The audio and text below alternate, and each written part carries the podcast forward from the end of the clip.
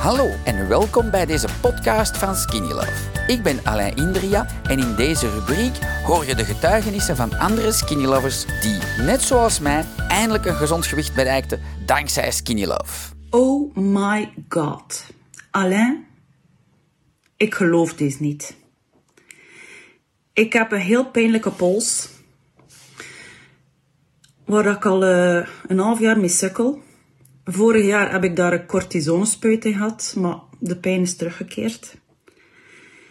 Ik kan niet deftig mijn haar kammen. Ik kan niet deftig mijn BH doen.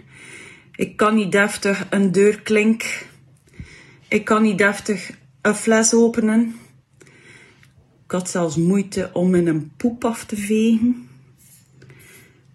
Ik was ten einde raad. Ik stond op het randje om dat te laten opereren. En dan ben ik, ben ik begin AX1 nemen. Ik ben dinsdag begonnen, nu dinsdag. En ik voel niks meer in mijn pols. Echt niet. Ik heb om dit te posten omdat ik nog wou afwachten. Maar in feite heb ik deze niet meer nodig. Ik ben echt blown away.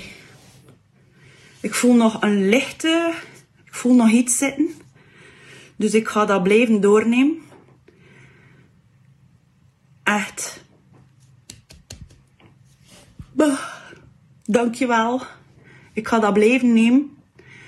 Ik ga dat blijven nemen. AX1 is de max. Dankzij dit verhaal heb je ongetwijfeld zelf ook de motivatie gevonden om van start te gaan. Ik wens jou heel veel succes!